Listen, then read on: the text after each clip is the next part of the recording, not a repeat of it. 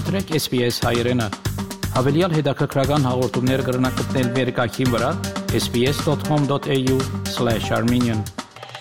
Ողջույն հարգելի ունկնդիրներ, անցած շաբաթ Հայաստանում, Արցախում եւ Սփյուռքում 15-րդ օրն է, ինչ Շուշի քարին տակ խաչմերուկի հատվածում մի խումբ ադրբեջանցիներ բնապահպանական պատճառաբանությամբ փակել են Արցախ Հայաստանին կապող Ստեփանակերտ-Գորիս մայրուղին։ Արցախը արդեն կես ամիս գտնվելով բլոկադայի մեջ բախվում է խնդիրների, ինչպես առողջապահական, այնպես էլ տնտեսական ոլորտներում։ Դեկտեմբերի 26-ին տեղի ունեցավ ԱՊՀ երկրների ղեկավարների ոչ պաշտոնական գագաթնաժողովը, որին ներկա գտնվեց նաև Հայաստանի վարչապետ Նիկոլ Փաշինյանը։ Սակայն Լաչինի միջանցքի արգելափակման եւ Արցախի շրջափակման հարցերը այդպես էլ չքննարկվեցին։ Ի սկզբանե չէր բացառվում, որ Սանկտ Պետերբուրգում կկայանա Փաշինյան-Պուտին-Ալիև հերթական հանդիպումը։ Հանդիպման նախօրեին, սակայն, Կրեմլը արդեն հստակեցրել էր. Փաշինյան-Ալիև-Պուտին եռակողմ հանդիպում նախատեսված չէ։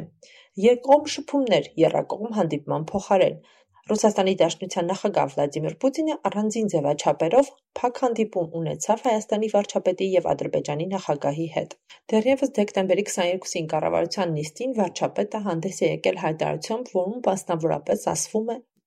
Նախորդ շաբաթվանից ի վեր Լաչինի միջանցքում ստեղծված ճգնաժամը չի հանգուցալուծվել, բացառությամբ թերևս մի բանի վերականգնվել է Լեռնային Ղարաբաղի բնական գազի մատակարարումը։ Ադրբեջանի կողմից Լաչինի միջանցքի ապօրինի շրջափակման հետևանքով Լեռնային Ղարաբաղում հումանիտար իրադրությունը մնում է ծայրահեղ լարված։ Լեռնային Ղարաբաղում առաջին անհրաժեշտության մի շարք ապրանքների, այդ թվում պարենի դեֆիցիտ է նկատվում։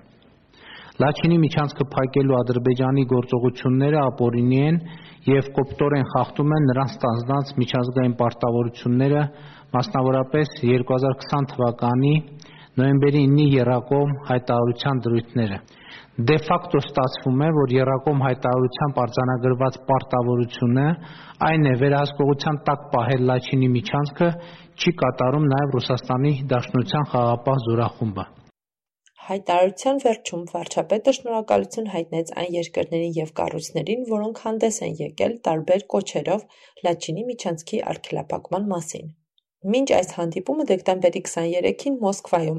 Հայաստանի, Ադրբեջանի եւ Ռուսաստանի արտաքին գործերի նախարարների հանդիպումը չկայացավ։ Այն հետաձգվել էր հայկական կողմի խնդրանքով։ Արտգործնախարար Միրզոյանի առաջնահերթությունը Լաչինի միջանցքի վերագործարկումն է եւ Լեռնային Ղարաբաղի ճգնաժամի հարցերը, ասել է արտգործնախարարության խոսնակը։ Քաղաքագետ Տիգրան Գրիգորյանի կարծիքով Երևանը հետաձգել է հանդիպումը, քանի որ Բաքուն Լաչինում ստեղծված իրավիճակով էլ կփորձեր Հայաստանին ճնշել եւ նոր լուծումներ պարտադրել։ Մինչ երկու երկրների ղեկավարները գտնվում են Սանկտ Պետերբուրգում, արցախցիները անհամբեր սպասում են, թե ինչ կորոշվի 15 օր բլոկադայում գտնվող Արցախի ճակատագիրը։ Դեկտեմբերի 24-ին մի քանի տասնյակ արցախցիներ միջանցքը բացելու պահանջով երթով շարժվել են դեպի ճանապարհի արգելափակման հատվածը։ Ադրբեջանցի ցուցարարներից ոչ հեռու գտնվող ռուսական անցակետի մոտ արցախցիները խաղապահներից պահանջել են կատարել նոյեմբերի 9-ի եռակողմ պայմանավորվածությամբ ստանձնած պարտավորություններն ու ապահովել անվտանգ երթևեկություն։ Վաղվա Արցախ կուսակցության ղեկավար Տիգրան Պետրոսյանը հայտարարել է, որ իրենց ռուս գնդապետներից մեկն է դիմավորել եւ խոստացել, որ երկու օրից ճանապարհը բացվելու է։ Մոտեցել ենք մի քանի օքով այդ գնդապետի հետ խոսացել ենք, ասել ենք, որ տեսնում եք, որ ժողովուրդը այսինքն հազարով պատրաստ են երեխա կին ոտով կան իրանց պահանջները ներկայացնել ձեզ։ Այդ գնդապետը ասաց, որ ամսի 26-ին լուրջ հանդիպում է եւ վերջնական է ճանապարհը պետք է բացվի։ Նաև մենք խոսացինք, որ խոսակցություններ են գնում, որ ինչ որ անցակետ են ուզում ադրբեջանցիների հետ դնել, ասացին, որ նման բան չկա եւ խնդրեցին մեզ ուղակի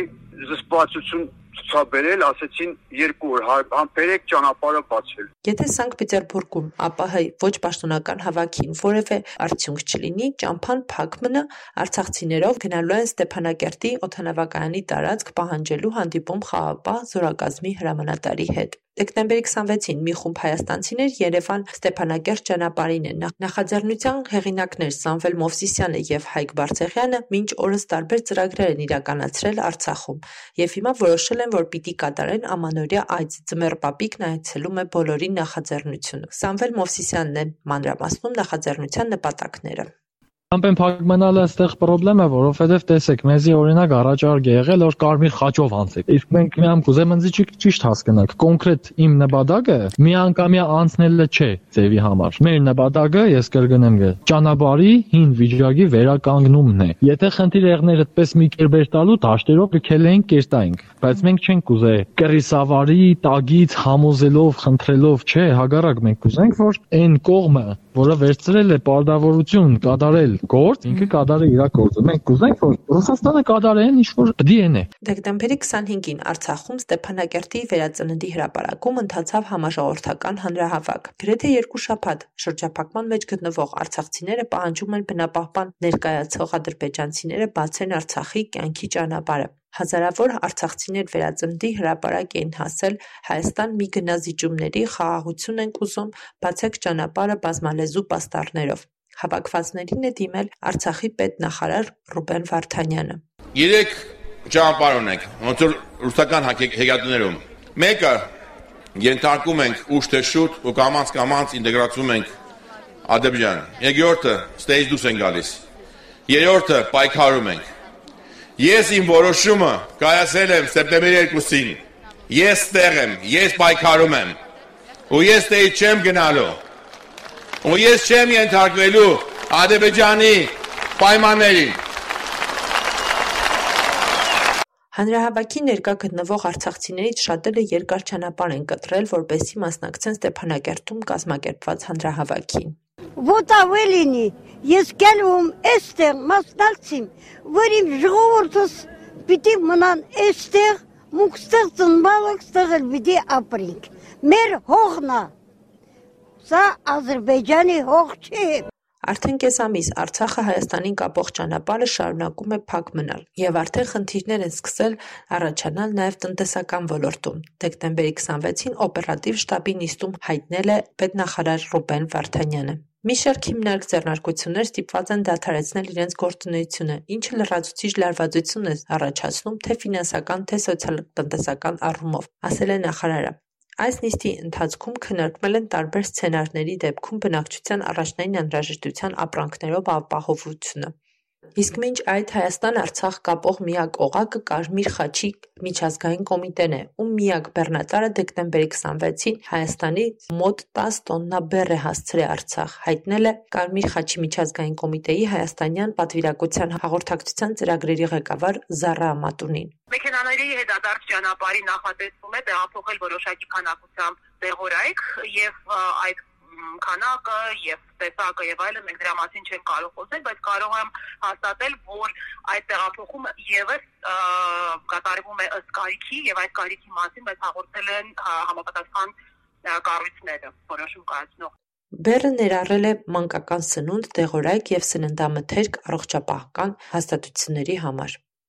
Արցախի պետնախարարի խորհրդական Արտակ Բեգլարյանը, ով Լաչինի միջանցքի փակումից երկու օր անց հայտարարել էր նստացույց ՄԱԿ-ի հայաստանյան գրասենյակի մոտ, նստացույցի 8-րդ օրը հանդես եկավ հայտարարությամբ.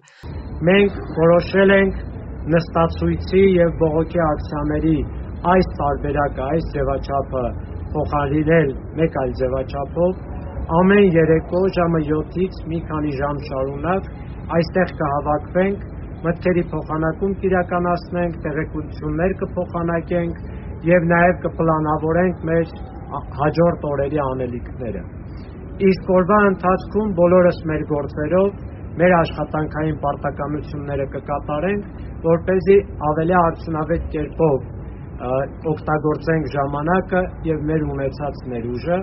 եւ դրանով նաեւ աջակցենք Արցախի այս իրավիճակի թոփափմանը։ Արդեն կես ամիս 1100 քաղաքացի, որից 270-ը անչափահաս տուն վերադառնալու հնարավորություն չունի։ Գորիսում վառվեցին գլխավոր տոնածառի լույսերը, միջոցառմանը ներկա էին Արցախից տարհանված երեխաները, որոնք չեն կարողանում վերադառնալ իրենց ընտանիքներ։ Նրանք բոլորն էլ ձմեռ պապից մի բան են խնդրում՝ խաղաղություն։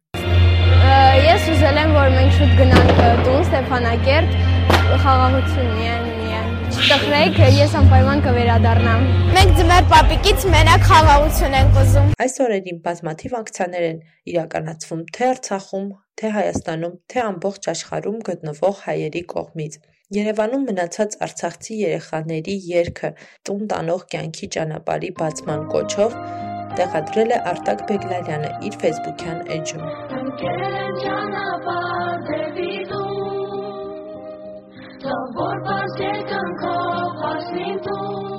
Անցնող շաբաթը Հայաստանում, Արցախում եւ Սփյուռքում SBS-ի հայկական ծառայության համար ամփոփեց մանեպատերը։